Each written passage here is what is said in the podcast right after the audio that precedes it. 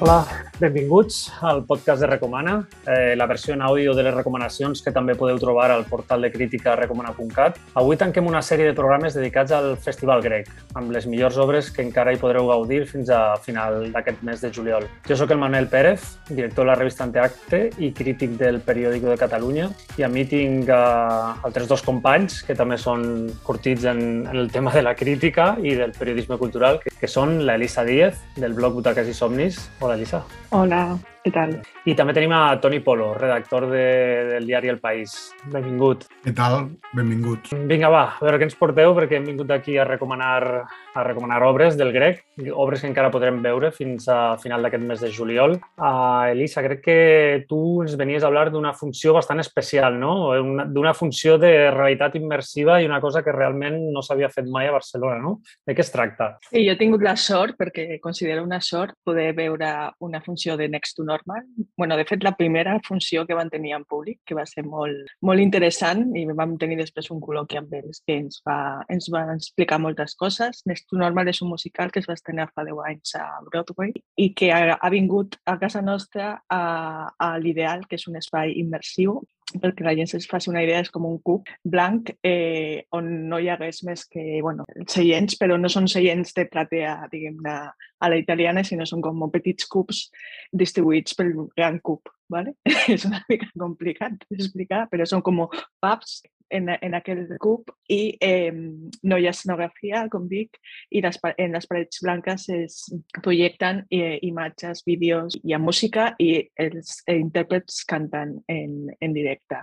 És un musical que, a més a més, està fet eh, amb, amb els actors de, de la versió de Broadway i, i, i han vingut aquí a tots menys un, perquè hi ha un actor que és català, i la fan en anglès, qual, la qual cosa no estem gaire acostumats perquè no sempre he estat molt defensora de traduir els musicals al, al català o al castellà i veure un musical en anglès té, bueno, és, és, és especial, té sobretítols en català i en castellà però, però bueno, està en anglès. I, I la veritat és que tampoc estem acostumats a que sigui la mateixa protagonista que va, ho va fer fa 10 anys a, a Broadway, que a més a més va guanyar el Tony per aquesta interpretació, que vingui a fer-lo a, a Barcelona. No? És, és molt poc comú que surtin ja els musicals de, del teatre on estiguin representats i que vingui eh, a fer-lo, pues, bueno, jo crec que és una passada eh, a nivell de, d'entendre, no? La gent pot ser que diu, ah, en anglès no vaig, eh, no. Eh, bueno, a, a banda dels, dels sobretítols, bueno,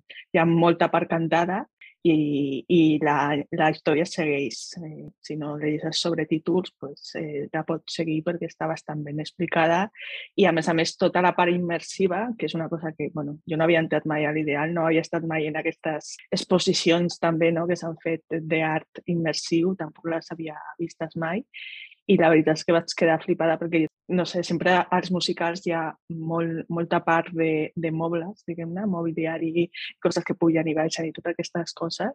I clar, jo pensava, dic, com serà un, un musical sense, sense mobiliari, sense tota la part mecànica, no? I la veritat és que entres de seguida, o sigui, és una passada. I, i és veritat que comença com més fluix a nivell eh, visual i un moment que es cleta tot i bueno, jo vaig quedar la veritat molt, molt sorpresa. Sí que és veritat que no és un espai per, per tenir musicals de dues hores, de tres hores, perquè els pubs allà enmig del CUP eh, no seria la part més còmoda del món, però, però bueno, jo hagués estat disfrutant i gaudint d'això tres hores perfectament, encara que mal de cul eh, pues, eh, important. Fins quan està aquesta obra i, i, i on, exact, on, on està exactament l'ideal? Per, perquè hi ha molta gent, jo crec, que encara no, sap, no ha anat encara, perquè és un espai que va obrir fa, fa uns mesos. I, i, i on podem gaudir d'aquest Next to Normal? L'ideal està al barri del Poble Nou de Barcelona i està molt a prop de la Beckett, no per res. I, I es pot veure, bueno, acaben d'allargar, es pot veure fins al 14 d'agost i, bueno, de moment potser ha allargat més perquè la veritat és que, bueno, segons ens van explicar, ha costat una mica, dos anys de, eh, de produir-lo, entre que lo munten i tal. Han reduït perquè el musical original crec que dura dues hores i mitja, tres. Aquí, en principi, durava 60 minuts, dura una miqueta més de 60 minuts, però, però bueno, és una producció molt, molt gran com per només que estigui un mes al REC. Eh, en principi seguirà, no a, a, potser no a casa nostra, però la intenció és que no mori aquí. Que bé, que bé. Quines ganes de veure, no l'he vist encara. Toni, tu què ens portes? Jo he estat parlant amb la Sílvia Navarro, que és l'autora la, i directora de Negatius, que és aquesta obra que està fins al 12 d'agost a, a la sala Flyhard i mm, té la curiositat, la primera cosa que em va, que em va sobtar parlant amb la, amb la Sílvia Navarro, l'autora, és, eh, bueno, em va dir, a veure, que el projecte, la idea, eh, ve dels dos actors, que són la Laura Riera i el Roger Vidal, que estaven buscant eh, temes eh, referents o històries referents a mm, dones oblidades, a aquestes dones que no han passat a la història, que s'han quedat en ser la dona d'algú i, i, i ningú ha parlat, cosa que ha passat molt sovint a la història i sempre amb les dones. Vull dir, difícilment és l'home qui, qui cau en l'oblit. No? I llavors els hi van, bueno, li va dir que, que a ell el, el, el rotllo li, li agradava i, i quan van decidir el tema li van dir, mira, volíem parlar de Robert Capa, Llavors ella, mm, sense saber-ne res, va dir, a veure, no parlàvem d'una dona oblidada, eh, com és que parlem del Robert Capa? Llavors li va explicar, els hi van explicar tot el que hi ha darrere de Robert Capa, que no era ell, el, el fotògraf hongarès, que era parella de Gerda Taro, sinó que era una, un, un pseudònim que van fer servir doncs, per explotar la seva agència, diguem-ne, de fotoperiodisme de guerra als anys 30 i com van venir a Espanya i, i etc. La història és curiosa perquè mm, no, no, sí, que, sí, que, sí que la coneixem, la Gerda Taro, però evidentment Mm, passa per sota de, de Robert Capa. No? Quan va passar allò de la foto famosa del milicià, que es va retrobar, que deien que si podia ser un muntatge o no, clar, hi havia el dubte de qui l'havia fet aquesta foto, ella o ell. I el gran problema, que després la, la Gerda, abans de morir, va, ja, ja, ja em va ser conscient, va ser el, el fer aquesta mena d'operació de màrqueting, que era doncs, fer servir aquest nom misteriós, Robert Capa, que no era ni ell ni ella, sinó algun fotògraf o algú que no donava la cara, que no volia aparèixer en públic. I llavors totes les fotos fins a aquell moment doncs, estan signades per Robert Capa, i no sabem si les va fer ell o les va fer ella, fins i tot el col·laborador de Capa, era el Chiqui Bates també. La qüestió és que mm, bueno, era, era, era la signatura. Què passa? Que quan, quan la cosa va, va a més, quan se li vol posar una cara a aquest Robert Capa imaginari, doncs qui li dona la cara és un nom masculí i va ser ell, va ser Robert Capa. Eh, de Gerda Taro, doncs poca coses es conserven. El que fan amb aquesta obra és recuperar aquesta història, reivindicar el paper d'ella i no és que diguin, a veure, ell era el culpable, ell era qui se'n va aprofitar, mm, no.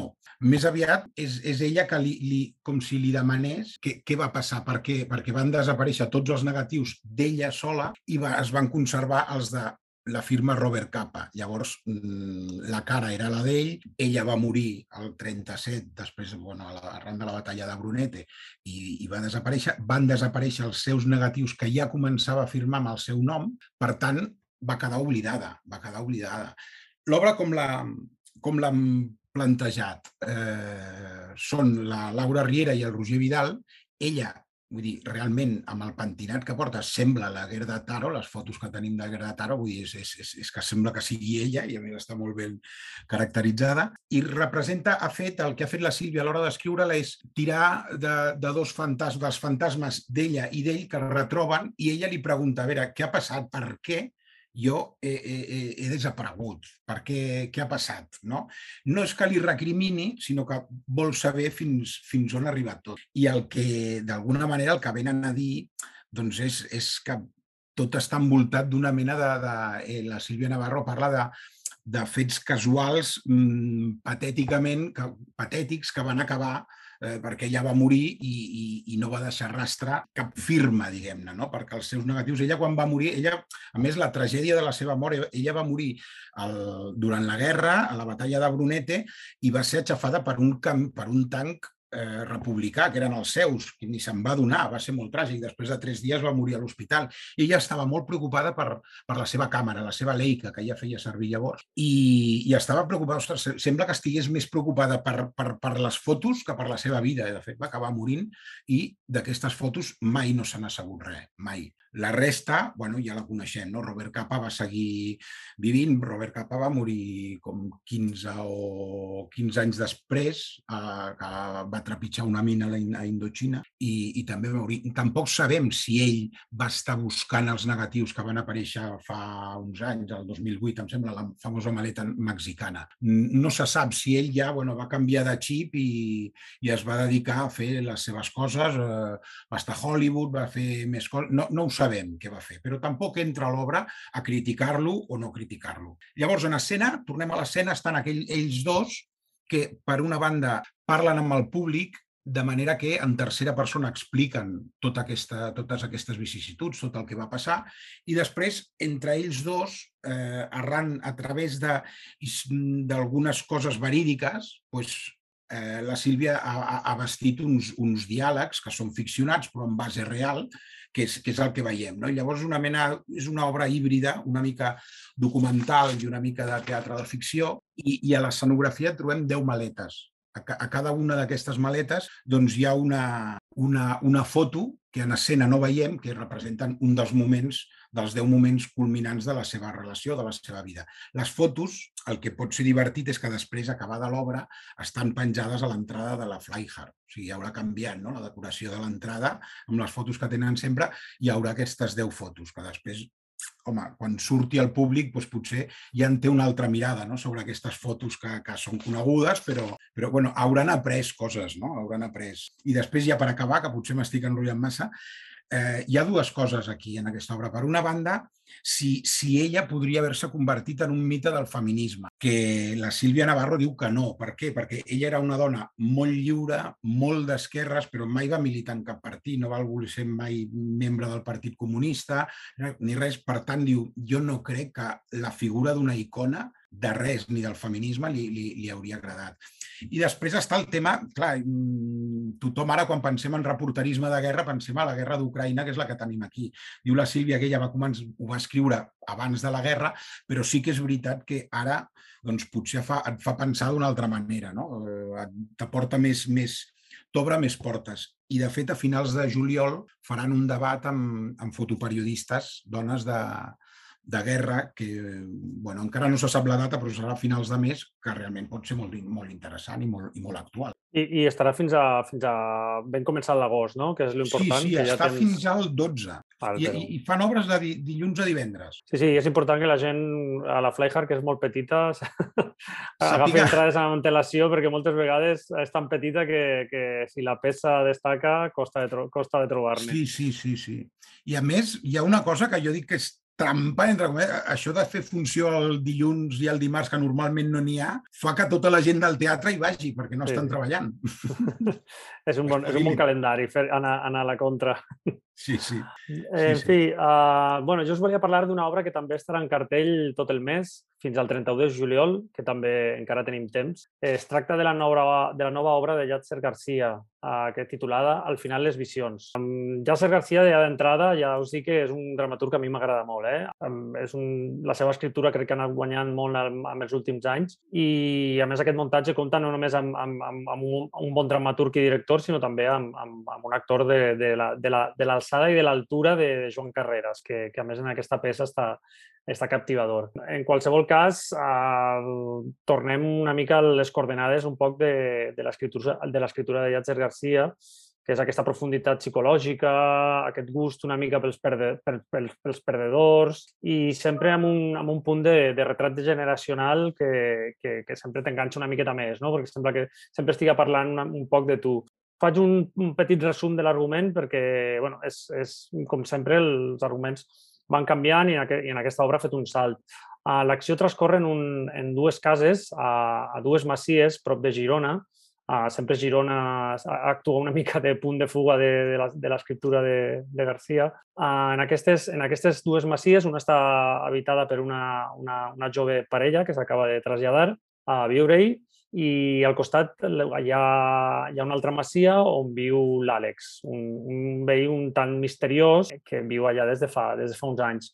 La història és que bueno, la relació és molt bona, fins i tot hi ha un sopar conjunt, però a partir d'això eh, descobriran que, que l'Àlex, que aquest veí en aparència tranquil, s'acosta a la casa de la jove parella per les nits i, i mig despullat com que la vigila, no? una operació que, que repeteix cada nit. I doncs això, el que semblava una comèdia, doncs, una comèdia de costums, de, de sobte es transforma, jo crec que, que gairebé en una pel·lícula de Hitchcock, no? amb, aquest, amb, aquest, amb aquest personatge una mica obsessiu que fa coses estranyes, amb aquest misteri. És això també, no només pel misteri, que, que s'assembla una pel·li Hitchcock, sinó també pel fet que, que controla molt bé els tempos del, dels misteris, no? del, del, que te va, del que se va mostrant i el que no se va mostrant. Sembla una pel·lícula, una pel·lícula de, de cine clàssic. Però no només això també, perquè ja parlàvem abans que amb el Yasser García sempre hi ha un punt de retrat generacional, uh, després apareix uh, el, un altre personatge, el Marcus, el Xavi Saez, que és, que, que és com un amic de, de la joventut de, del protagonista de l'Àlex. Llavors anirem descobrint la història, no? anirem descobrint una mica el perquè de tot plegat i a partir d'aquí sí que es crea un, una espècie espècie de retrat nostàlgic. Ells són gent que voreja la quarantena i que té alguns traumes amagats i sobretot que gràcies a, aquest retrobament dels dos personatges reconstrueixen el que és a la seva joventut i llavors al costat del misteri s'emplaça el que és aquest, aquesta nostàlgia per la joventut perduda que jo crec que és un, gran, un dels grans temes de l'obra i que crec que és el que la fa avançar i que el que, el que, el que ens atrapa a nivell emocional, no? perquè més enllà de també ser un thriller de misteri o també és una, una obra molt emotiva, no? en el que d'alguna forma doncs, la nostàlgia, la culpa i, i fins i tot la possibilitat de redenció dels errors del passat uh, fan, fan que al final tot això es, es transformi en un, en un artefacte emocional que, que, que ens atrapa. Per descomptat, mm, paga la pena anar a veure-la per, per la presència de Joan Carreras, que està, que està genial, és un, és un dels millors actors que tenim i en aquest paper està, està fantàstic. La vessant uh, pertorbadora, però al mateix temps també la ves entendre i fins i tot en aquesta, en aquesta um, possibilitat de redenció que al final que al final arriba i ja, sense fer spoilers, se resol d'una forma molt, molt, molt bona.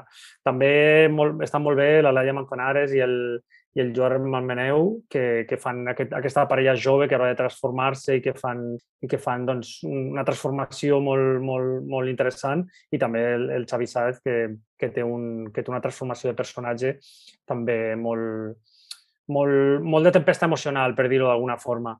Uh, L'última cosa que volia destacar és, és l'escenografia de Sebastià Brossa, que, que, que, que és genial, que, que fa, comences amb, amb una extracció, amb quatre fustes, però que després es, tor està, es torna molt concreta quan, quan l'obra també es torna igual de concreta i, i hi ha una sorpresa que no desvelaré, però que fa que, que, bueno, que, que fins i tot l'obra i l'escenografia caminen, caminen a la, a la mateixa forma per, per, donar la, per donar aquesta informació. A mi és un muntatge que m'ha agradat molt, jo el recomano, està, està fins, a, fins a final de mes i crec que és, crec que és, el Jatzer Garcia és un dels dramaturgs que està, que està en forta pujada i, i, que està, i que millor està madurant la seva escriptura i, i d'aquí aprofito per recomanar-la. I això és el que tenia que explicar. No sé si l'heu vist aquesta.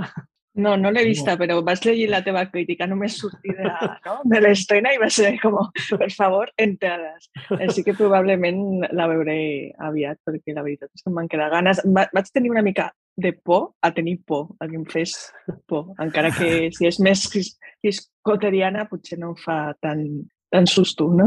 No, no és, ja et dic, és, és, és, és hitchcockiana, sí, en aquest sentit que, que, que no, hi ha un, no, hi ha, no hi ha aquest terror, no? És, és una qüestió del misteri que es manté, una situació molt inquietant que va, que va desenvolupant-se i, i, que, i que té un, tot un sentit, eh? I que al final, i que al final s'explica i que, que no, és, no, és, no és psicosis, ni molt menys, no és el Hitchcock de psicosis, més aviat el Hitchcock de Rebecca, per dir-ho d'alguna forma, però ja et dic, no només hi ha això, hi ha, hi ha, tot una, hi ha tota una sèrie de retrats generacionals al voltant, de nostàlgia per la joventut perduda, ajuda de, de, de, bueno, d'un retrat de rebeldia que sempre hi ha una mica al, al final dels personatges de, de Yatzer Garcia que, i que jo crec que, que no dic res més perquè sempre s'han de fer els equilibris molt precaris per no entrar en l'espoiler. Manel, jo, jo no l'he vista, però vaig, vaig parlar amb el, amb el Llàtzer per fer una mena de prèvia, perquè m'expliqués com havia anat, m'explica tot això que dius tu, i ara tu has comentat vull dir que potser comença amb un to de comèdia. Queda alguna de comèdia a l'obra o, o, o és tot més cap al misteri i cap al tema